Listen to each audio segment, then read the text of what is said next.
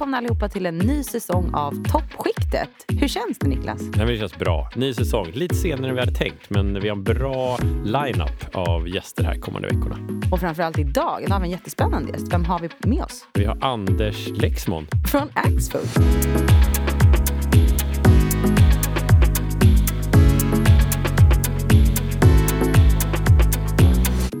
Det är ju faktiskt en bransch som vi båda arbetat mycket i. Förhoppningsvis får vi lite insikter i hur man kan hantera en tid med inflation och räntor och konkurrens och liknande. Ja, med det ska vi kicka igång.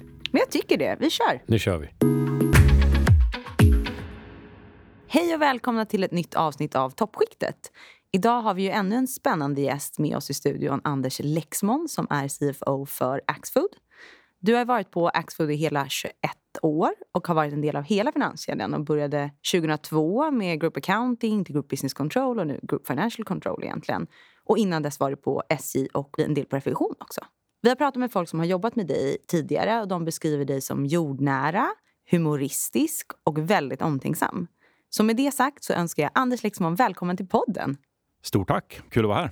När du hör jordnära, humoristisk och väldigt omtänksam, vad känner du då? Ja, jag blir ju nästan lite rörd faktiskt. Men jag, jag, tror det, eh, jag tror att det stämmer väldigt bra. Och det är det jag försöker förmedla också, en trygghet i, som de som jag jobbar med. Och vi ska också ha kul när vi jobbar, för jag tror att då finns det väldigt stora chanser att vi uppnår något, något bra i själva professionen också. Är det något som saknas?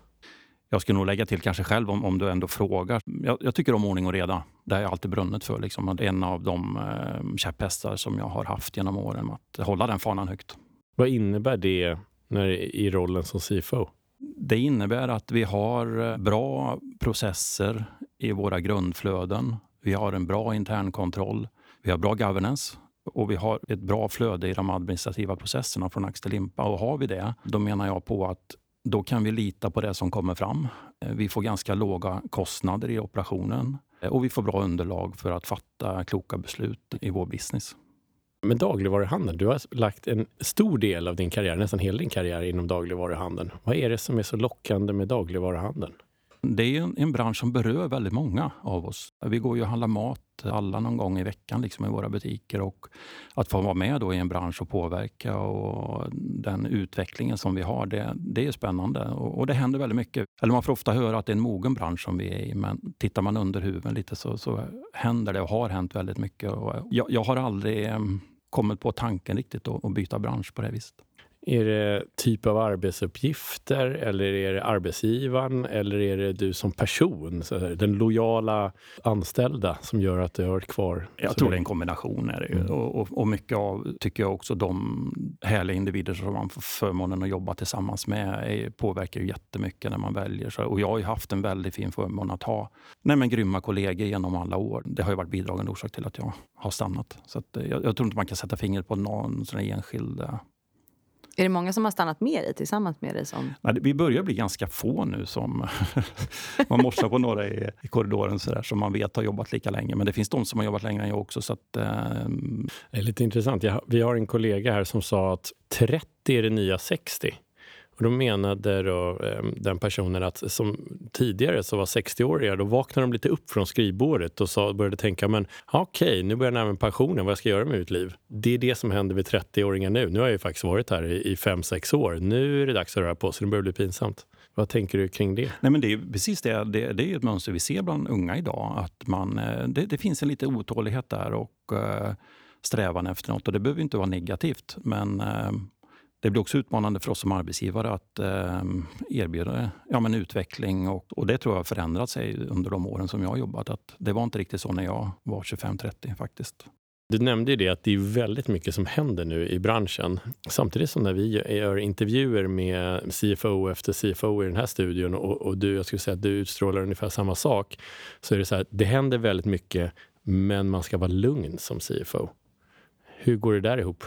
Ja, jag, jag tror att det, det, är väl lätt att vara lugn om man har en trygghet runt omkring sig i organisationen. Eh, man, man, kan säga att även om det tycker att det händer mycket så, så är det små steg hela tiden eh, för oss. Det är inte så att vi tar några eh, giant leaps i, i några delar utan vi, vi fattar ju beslut och tar små steg hela tiden och det blir en trygghet i sig. Men en, tittar man lite på det ovanifrån så, så kan man lätt få känslan av att det händer mycket. Men jag tycker vi tar välbalanserade steg eh, hela tiden. Så det blir liksom ingen turbulens kanske på det viset eh, som, som man ser i andra branscher. Kanske så. Skulle du beskriva dig själv som en lugn ledare? Ja, men det, det skulle jag absolut göra. Om man frågar eh, personer i ditt privatliv, skulle de beskriva dig på samma sätt som du Ja, jag. på yrk, yrkesroll? Ja, det tror jag. Mm. Jag, jag brusar sällan upp sådär. Får någon rätta mig om jag har fel där kanske. lyssnar på det. Nej, men det, det är nog så. Jag har den lite lugna ådran. Eh, Det är väl någon gammal släkting långt bak eh, som eh, har givit mig det. Så att, eh, Skulle du säga att du är målorienterad? Har du satt upp eh, din vision Ja. för dig själv som du tittar på då och då och ser att du följer planen? Ja, men jag, jag gillar mål och sätta upp det. Bara även få min organisation och, och eh, jobba mot det. Men, men jag är också ganska långsiktig. Så jag, det får ta tid med vissa saker och sådär. Och tar det tid så får man, får man ge det tid också. Jag har hittat någon form av kombination där. Att vara ganska målfokuserad men, inser att det, det får ta lite tid. Vad sätter du för tidshorisont för dina egna mål? När det gäller karriär och så, där, så har jag aldrig liksom satt upp mål på det viset. Utan det ena har givit det andra. Jag, jag har varit ganska nöjd i, med det som jag har jobbat med för nuet. Då. Och sen har ju utvecklingen kommit, kommit med det. Och det är väl det, om man går tillbaka till, till dagens ungdomar så tror jag kanske att man, man sätter upp de här tydliga, höga målen tidigt. Det är inte fel heller i och för sig, men, men jag tror att det hitta en bra balans så man också blir nöjd i vardagen. Men tror du att man Eh. sätter upp för höga mål nu? Om vi pratar om dagens ungdom. Jag vet inte det, men, men eh, i alla fall så vill man nog att det ska gå snabbt. Liksom. Mm. Nu kanske jag är lite unik på det viset att det, det har inte gått särskilt snabbt för mig. Jag har varit på Axfood i, i, som du säger, i över 20 år. va. Men jag tycker ändå att det har hänt så mycket, både för mig själv i utvecklingen och även för Axfood. Så jag tycker det har varit en fin resa om jag tittar tillbaka. Jag såg en, en Twitterfråga där man hade frågat personer, du som 40-åring, om du skulle ge tips till dig själv som 30-åring, eh, vad skulle det vara? Och eh, det var jättemånga som hade svarat på den frågan så här, se arbetet som någonting där du går dit, du gör dina aktiviteter och så tar du pengarna. Eh, livet händer utanför jobbet. Jag tyckte det var lite så här sorgligt. Vad tänker du kring ett, sånt påstående? Ja, det är sorgligt om man inte tycker att eh, jobbet är kul. För det, det har jag alltid tyckt och det har ju varit nej, men viktigt för mig att, att, att känna att man har något som man går till och som man tycker är kul, där man utvecklas och där man kan bidra. Och eh, det har jag haft förmånen att få göra. Det är trist om det är så. Det lät väldigt deppigt tycker Ja, jag. Jag blev så här, verkligen. hoppas inte många, men det var så himla många. Jag tänker framförallt att man spenderar så mycket tid på jobbet. Så att, alltså generellt sett. Så jag tänker att då är det viktigt att hitta ett, ett yrke som man verkligen tycker trivs att gå till. Vad är det som är roligast på ditt jobb? Det är mycket, men jag, jag, jag tycker att eh, att jobba med de människor som eh, jag gör är fantastiskt givande, måste jag säga.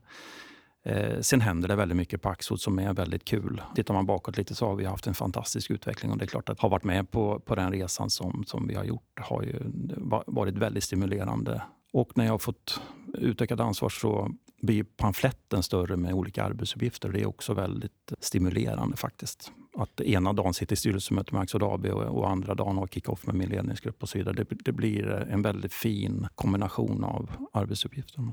Det kommer bli väldigt spännande att följa bolaget nu. Nu händer det verkligen mycket och det går ju minst sagt bra också. Så. Är det någonting som du känner så här, ja, men det här är ju kanske uppgifter som jag inte skulle vilja ha? Nej, det, det, det, jag kommer faktiskt inte på någonting. Nu har det varit, eh, i, vad sa vi, 21 år har det varit på Axfood. Ja, Man- igår. Ja. Igår, om jag tittar, det är ju nästan födelsedag. Tänk efter. Ja. Kan du se några såna här avgörande ögonblick som har varit eh, viktiga för din karriär? Nej, jag tror inte det. Sen är ju slumpens skördar var man hamnar och sådär. Jag har ju redovisning och, finansiering i botten och det har jag brunnit för. Och med det så har det ena givet det andra. Va? Man, att jag hamnade på Axfood, det var väl lite av en slump. Rekryterade in där och eh, det kunde ju lika gärna ha blivit något annat bolag. Men inget sånt där Alexander-hugg i karriären. Fast när jag var på, på, som revisor, så, och det var också fantastiskt lärorikt. Men där insåg jag hyfsat snabbt att jag inte ville bli revisor permanent. Men, men eh, de tre åren jag gjorde där var fantastiskt roliga och givande också. Så att, ja. När jag alltid handlar mat så brukar jag alltid ställa en fråga till kassapersonalen. Vad är det som säljer mest? Eh, Min fru brukar alltid sucka bredvid så jag tycker att det är superpinsamt. Har du koll på Hemköp, Willys? Vad är den eh, SKUn eller ja, produkten som säljer mest? oj, eh, nu satte du mig på bottkanten tror jag. Men, men eh, påsar kanske, kassar. Oj, det var Eh, intressant. Annars är det väl mejeriprodukter skulle jag gissa. En eh, lågoddsare, grönsaker. Jag har inte riktiga svaret, men Nej. kassapersonalen brukar oftast handla bananer, mjölk och Coke Zero. Brukar, brukar komma upp. Okej. Jag har ingen aning om det stämmer. Bananer, PLU 109 när jag jobbade. Oj. Oj, herregud. Expertinformation. I din roll som CFO, vad ligger inom ditt ansvarsområde? Det är olika delar, men, men eh, först och främst så handlar det om för mig att eh, leda koncernens ekonomi och finansfunktion med allt vad det innebär såklart. Compliance, internkontroll, redovisning, risk jobbar vi mycket med. Finansieringsfrågor är det som vi jobbar med. Att se till att koncernen har en bra användning av, av eh, vårt kapital. Och även verksamhetsanalys och uppföljning såklart. Det är ett jättestort område som vi lägger mycket kraft på. Det är ju det. Men sen som medlem i koncernledningen så är det en, en annan roll som jag har. Att vara med och, och eh, driva och utveckla Axfoods eh, verksamhet. Då. Och sen utöver det så um, handlar det mycket om kommunikation skulle jag säga mot Mm. marknaden i en del IR-frågor. Rapportering till styrelsen och, och dialog med styrelsen. Eh, föredragande revisionsutskott som vi har i Axo AB. Så det, ja, En hel del. ja, det, det, blir, det blir lite olika saker. Du pratade lite om din bakgrund inom revision där, att du hade gjort tre år. Det är en del av alla CFO som vi har träffat i podden som har samma bakgrund. Tror du att det är en viktig del för dig och dina arbetsuppgifter? Eller hur ser du på det? För mig har det i alla fall varit det. Det kan ju variera i och för sig, men du får ju en väldigt fin förståelse för sambanden mellan resultat och balansräkning, kassaflöde som man har väldigt fin användning av i eh, verksamhetsanalysen och, och eh, i att kunna förklara hur utvecklingen går i olika delar. Eh, men sen har jag också utvecklat ett intresse av att gå vidare från redovisning kanske till mer att förklara och beskriva och titta lite in i framtiden och försöka hitta möjligheter för att vara prediktiv är det det du skulle säga är liksom din USP som CFO? Eller vad tror du är hemligheten som gör dig till en bra CFO? Så att säga? Jag tror att det är ett grundmurat intresse för de olika delarna. Det skulle jag säga. Men jag tror att det har varit bra för mig i alla fall att ha den bakgrunden. Det är många som jag har haft som också så här, vill vara ner i detaljen och gå in och pilla alla siffror. Är du sån eller vill du vara Ja, mer på en högre nivå? Jag var det från början då, i, min, i mina tidigare roller. Men som tur är så har jag, har jag kommit ifrån det. Mm. Eh, och tyckte att det var rätt skönt faktiskt. Att lämna över det till andra som kan med olika detaljer i olika regelverk med IFRS och, och sånt där. Men jag känner ändå en trygghet i att jag vet vad det handlar om och jag kan gå tillbaka och ha en bra dialog med de experter som ändå jobbar med frågorna. Och om du ser framåt, vad tror du är viktiga egenskaper för en CFO att ha? Om du skulle ge tips till någon annan? Det är väl en del, skulle jag tycka i alla fall, att ha en djup förståelse för de sambanden. Men sen finns det ju andra förmågor såklart med eh, personalledning, skulle jag säga. Ta hand om medarbetare, utveckla medarbetare och skapa teams som levererar. Liksom. Det, det tror jag är en väldigt viktig förmåga kommer vara framåt. Vad tror du är mest utmanande, eller tycker du snarare är mest utmanande med rollen som CFO?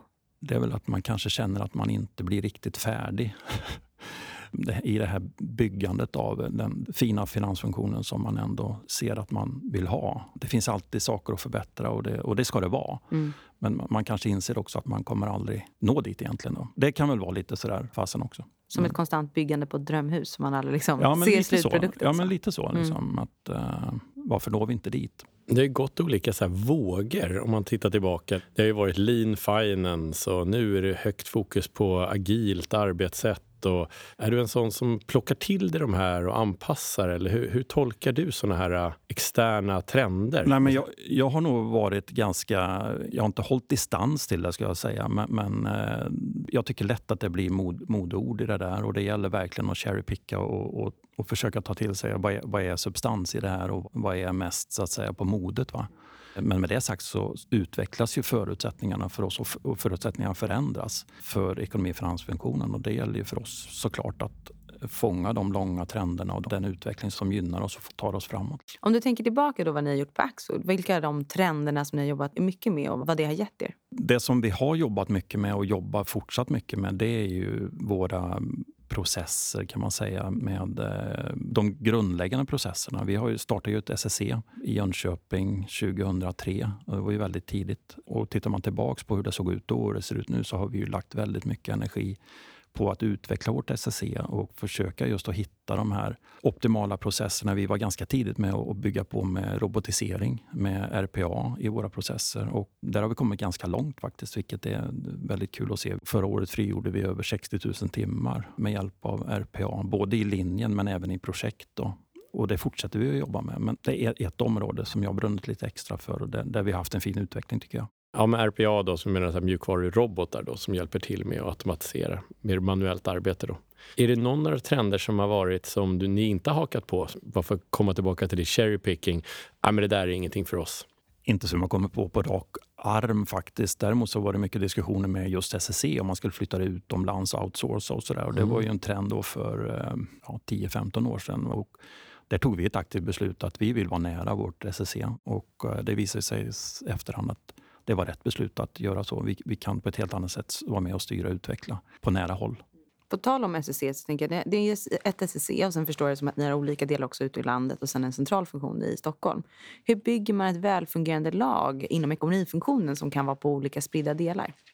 Det är en intressant fråga och det är något vi har jobbat ganska mycket med. För det är som du säger, vi har ju solitära ekonomifunktioner i våra dotterbolag. Vi är ju House of Brands och eh, då är det också viktigt att respektive verksamhet har en egen ekonomifunktion. Men med det sagt så vill vi också vara starka i bakomliggande led och då är SSC en del i att, och där vi ser, där vi kan flytta processer, där vi gör på samma sätt inom de olika koncepten, ja men då låt oss flytta det ner till SSC. Då får vi en effektiv hantering. Men det där har ju varit en resa och det är fortfarande en resa. Den vet jag inte heller om vi kommer bli riktigt klara med. Men, men tanken är ju såklart att frigöra resurser ute i våra verksamheter för att lägga mer tid på analys, verksamhetsstöd, eh, stöd till ledning och att inte behöva jobba så mycket då med, med administration och så. Jag tänker, du har varit på Axfood väldigt länge. Är det där du tror att det kommer stanna eller känner du att det finns nya äventyr som väntar i horisonten? Ja, nej, det vet jag inte. Ungefär som tidigare. Jag tänker inte så. Jag planerar inte så jättemycket. Utan jag trivs superbra där jag är nu. och Så Så att, får vi se vad framtiden har med sig. Det är lite svårt att... Om du hade fått gå tillbaka och ändra så här, okej, vi fick inte välja den banan och CFO. Vad tror du att du hade gjort då? Nej, jag vet faktiskt inte. Jag har alltid tyckt att ekonomi har varit väldigt spännande och roligt. Så att i rent profession så där så... Däremot så kanske man hade blivit eh, proffsgitarrist eller något sånt där kanske. ja, det vore ju en, en alternativ bana. Ja. Jag blir väldigt avundsjuk varje gång när jag hör duktiga gitarrister. Jag frågade min fru, vad, om jag inte skulle vara konsult, vad tycker du jag ska vara då? Då sa hon, någon säljare av något slag. ja, sjukt tråkigt. Alltså inom dagligvaruhandeln jämfört med andra branscher så är det väldigt små marginaler och höga volymer. Och det är, som jag uppfattar det, också ett, ett, stort fokus på att man behöver hålla marginalerna. För bara om du missar någon decimal så påverkar det resultatet väldigt mycket. Är det någonting som du känner att du upplever i din roll som CFO? Ja, verkligen. Nej, men du, är, du är helt rätt på det. Vi, vi omsätter ju nu nästan 74 miljarder på helårsbas och vi tjänar lite över 4 procent. Så att varje litet gruskorn som kommer in i vår operation kan ju, om, om vi inte ser upp, skapa stora bekymmer. Och det gäller hela tiden att titta på detaljer. Någon sa ju att retail is detail och det är precis så det är. Att vi måste finslipa på våra processer dagligen för att ha en effektiv eh, verksamhet och att, att kunna leverera det, det marginalmål som vi har. Då. Kännetecknas det också hur ni arbetar? Att det hela tiden man tittar på processer, man vänder och vrider, man gör överväganden för varje detaljerad kostnad och sådär för att hela tiden ha koll på marginalen? Ja, det gör vi. Vi letar ju förbättringar hela tiden och vi investerar ju också väldigt kraftigt i alla våra verksamheter och inte minst i våra bakomliggande led i Dagab, i, i logistiken eh, för att hitta automatiserade lösningar och Eh, streamlinade och effektiva processer för att just kunna erbjuda våra kunder, det vill säga butikerna, effektiva och bra lösningar. Så att det lägger vi väldigt stor kraft på. Finns det en risk att man balanserar det här, eller man balanserar fel rättare sagt, den här eh, vi måste ha koll på marginalerna, vi måste hela tiden göra saker bättre med att man vågar investera i de här stora stegen? Ja, det, det, tror jag du sätter fingret på. Det, det är klart att vi, vi har ju nu, vi är precis eh, i färd med att genomföra vår största investering ever i Axo. Det är vårt nya helautomatiserade lager ute i Bålsta som ersätter sex befintliga lager idag. Det var väl slutet på 2018 som, som vi satte oss ner och tog det beslutet. Och nu fyra år senare så, så börjar vi faktiskt leverera varor därifrån. Det, det är ett jättestort beslut. Det är en utveckling av Dagabs eh, operation va? som verkligen inte är på detaljnivå utan det här är ju ett stort grepp.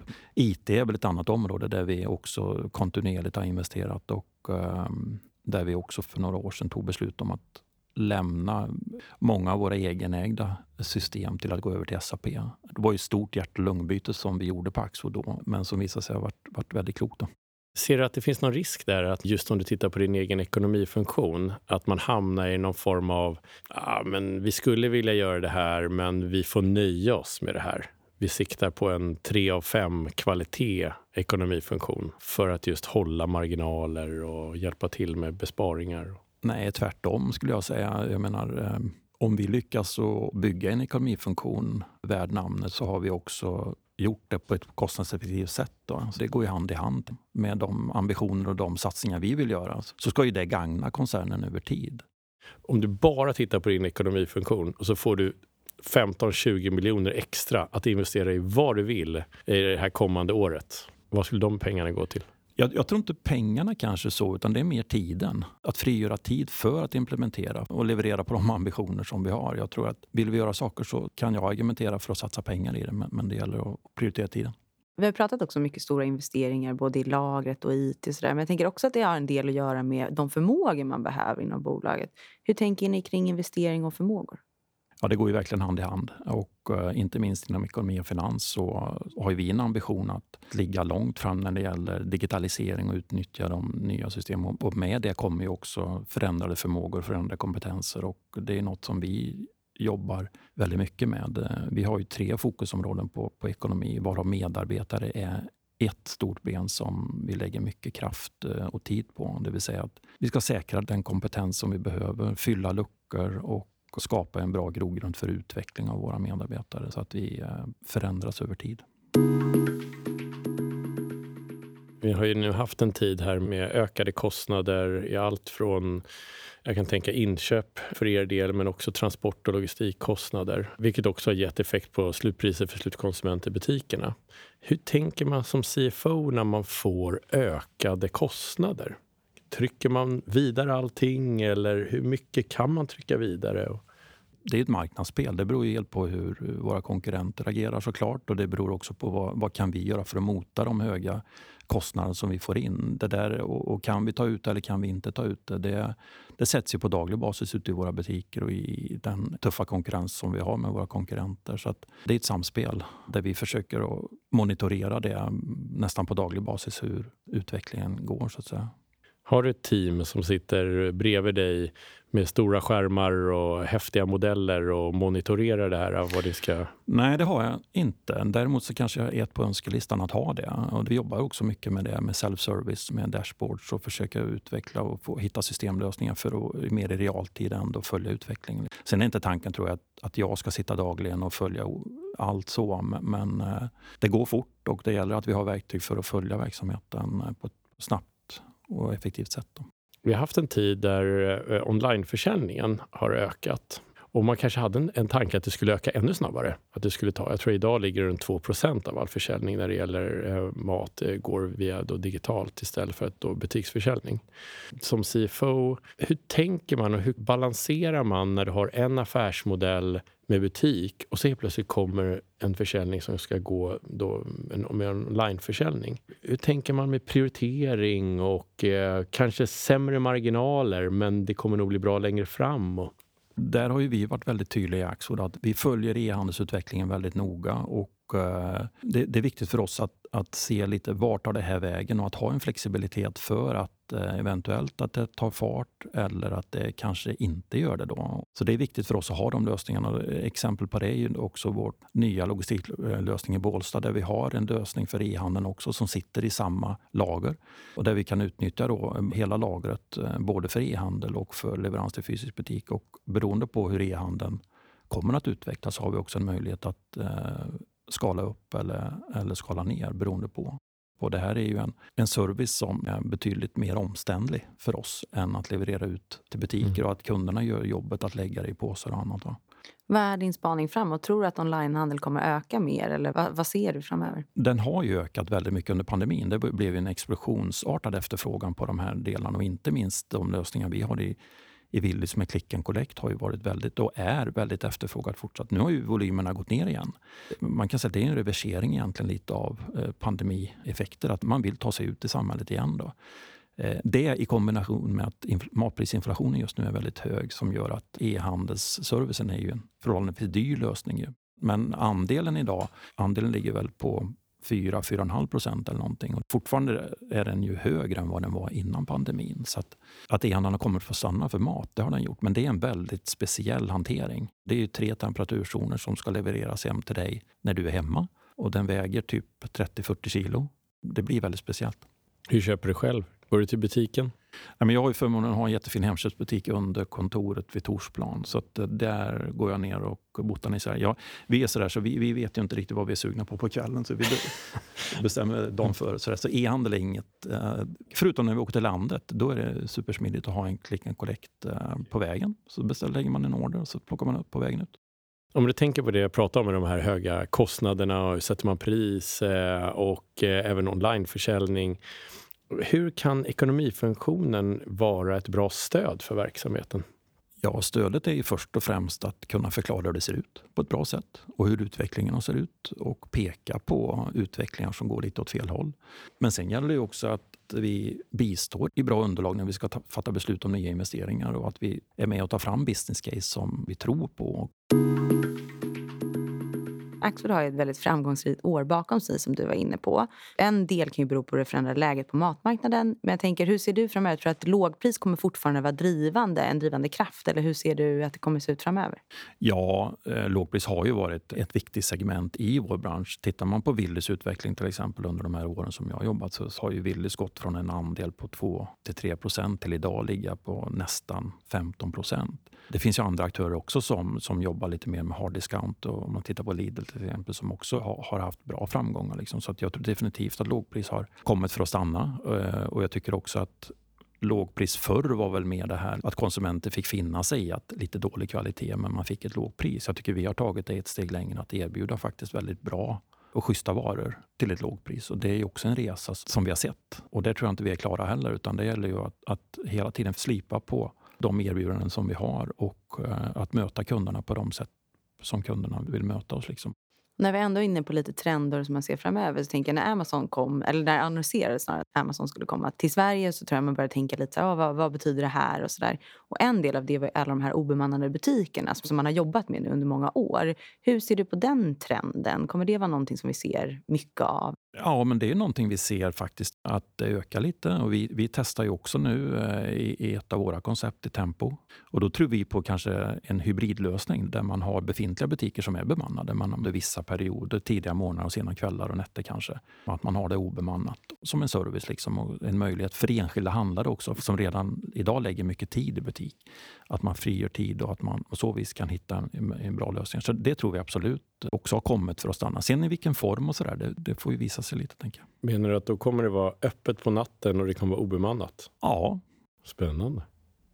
Ett annat intåg som kom till Sverige var i Costco också. Hur ser man på det intåget? Är det någonting som man ser som en stor konkurrent? Eller liksom? Vi har ju redan haft en sån lösning i Snabbgross, eh, det vi kallar för Snabbgrossklubb, som bygger på ett medlemskap där man ger vanliga konsumenter då tillgång till grossistpriser och grossisterbjudanden i våra snabbgrossbutiker. Så att vi eh, var ju lite före där kan man säga. Men sen som du säger så kommer Costco till Täby för, eh, ja, i höstas öppnar de.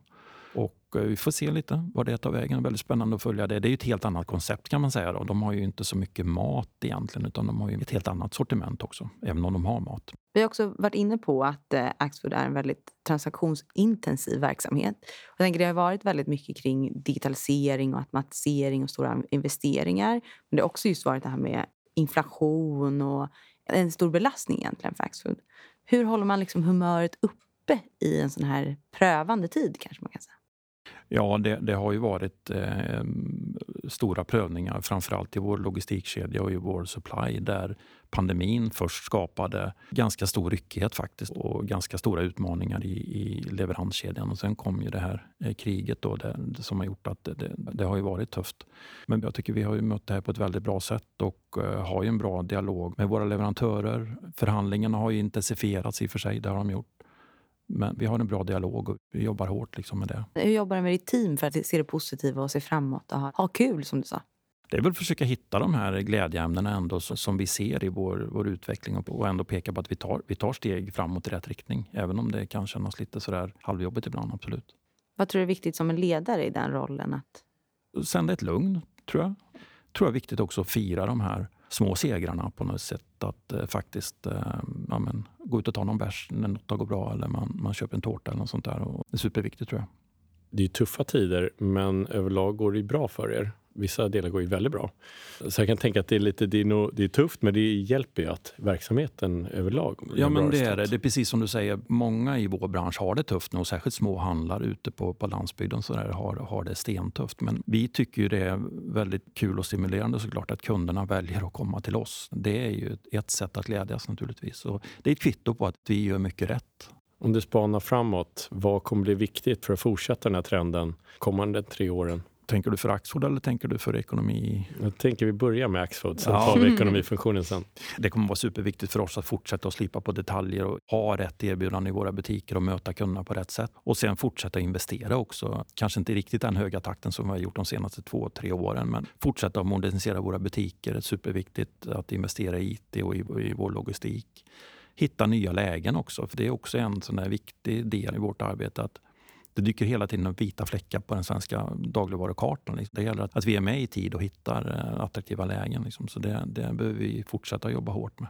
Och om vi blickar mot ekonomifunktionen. Tänker vi har pratat om automatiserade lager, vi har pratat om automation i SEC, bland annat obemannade butiker. Om du skulle se ekonomifunktionen framöver, hur ser du ekonomifunktionen då? Nej, men eh, vi måste ju också fortsätta att, att vara moderna i vår utveckling och hitta de digitala lösningarna i våra processer. Det kommer vi lägga superstor kraft på. Sen kommer det ju det här med governance och eh, krav på rapportering, det ökar ju hela tiden. Jag tänker framförallt inom hållbarhetsområdet, det är ju som en eh, mindre tsunami just nu när det kommer rapporteringskrav. Och här behöver vi jobba ännu hårdare för att dels möta de rapporteringskrav som kommer, men även skapa interna strukturer för att kunna rapportera och analysera det. Vad är det vi ser här egentligen och driva mot en, en hållbar utveckling i vår, i vår verksamhet och stödja en sån utveckling. Det, det kommer bli superviktigt framåt. Vad är det för viktiga kompetenser som du ser att man behöver bygga inom ekonomifunktionen? Hållbarhet är ett eh, område, digitalisering är ett annat. Eh, Risk är ett annat område som vi behöver fortsätta egentligen att jobba hårt med. Och inte minst inom eh, cyber till exempel. Där behöver vi jobba nära med IT för att möta de hoten som ändå kommer. Liksom. Jag skulle säga att min bild nu är att många bolag står man lite och funderar på vem som ska ha huvudansvar eller hur man delar ansvar. Och eftersom jag jobbar mycket med CFO blir det då naturligt, vad blir CFOns ansvar? Där har jag varit supertydlig. Jag vill att det här ryms inom min funktion inom ekonomi och finans. För jag, jag tycker att finansrapportering och hållbarhetsrapportering går hand i hand. Min klara bild är att att det är vi inom ekonomi som ska ta ansvar för den här rapporteringen. Då. Intressant. Jag tror att många kommer landa där du är, men jag tror inte alla har landat där än. Eller jag vet att alla inte har landat där. Det kanske är så, men för mig är det tydligt i alla fall. Vi har en tradition inom finans att ja, men ha en rapporteringsstruktur. Vi har en analysstruktur och en, en, tradition som jag är helt övertygad om att den kan man väldigt väl applicera inom hållbarhet. Och det kommer också bli så att hållbarhetsrapporteringen kommer bli mer och mer integrerad i, i hela vår verksamhet och he, i hela redovisningen. Du nämnde cyber. Eh, vad är det vi tänker då? Är det, vad är det för kompetenser som man behöver bygga inom ekonomifunktionen kopplat till det? Ja, det, det, handlar väl främst om vårt riskarbete skulle jag säga. Att vi försöker att bygga en medvetenhet för att se de här hoten. Sen tror jag inte vi inom ekonomi kanske bygger de här spetstekniska kompetenserna. Det kan vi göra på andra håll i koncernen, framförallt på Axfood IT. Eh, men det handlar om att gå hand i hand eh, så att vi får en samordnad eh, bild på är, hur mitigerar vi de här riskerna. Det tror jag är, är sådana kompetenser snarare som vi behöver eh, jobba med tillsammans. Vi har ju pratat om det väldigt många gånger, men att du har varit i Axfood väldigt länge. Jag vet att när vi hade Hans-Ola Meijer här så pratade han om hur mycket det hade förändrats från det han började tills idag. Hur har det förändrats för dig? Hur har det sett ut när du började till idag? Kan du se några sådana stora förändringar?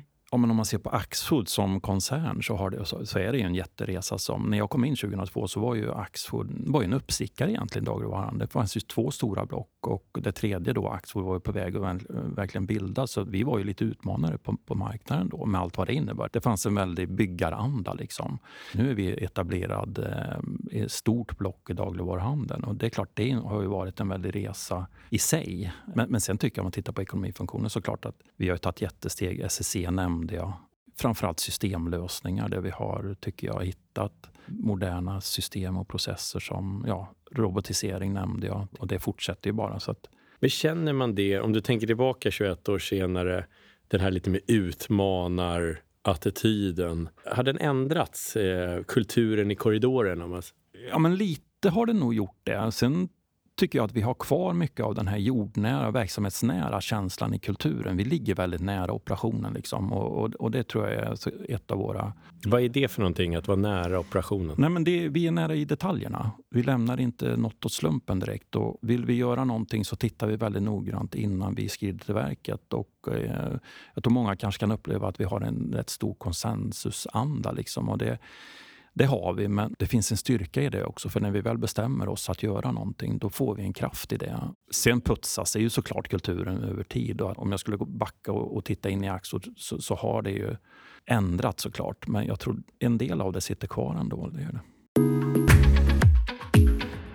Under din tid, är det någon sån här historia som du tänker på som någon anekdot eller liknande? En kul anekdot var ju för många år sedan när när Willys hade mot sina kreditkunder eh, som kunde vara förskolor och kommuner och så när de gick in i butiken och handlade, då hade man skickade man en faktura då såklart. Och så hade vi en faktureringsavgift på 50 kronor. Och så var det diskussion då, ska vi ha kvar den eller ska vi inte? Det här kanske vi ska se som en service faktiskt till eh, våra kunder. Och eh, samtidigt då så var jag hemma på ett släktkalas i Lidköping och så pratade jag med min moster och hon var kassör i Källby församling och handlade på Willys på kredit.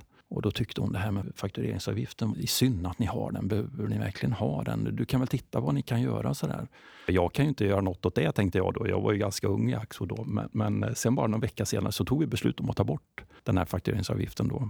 Varpå min moster blev väldigt eh, glad. Så hon, hon, ringde mig och sa Anders, bra jobbat. Du fick, du fick bort faktureringsavgiften. Toppen, kul!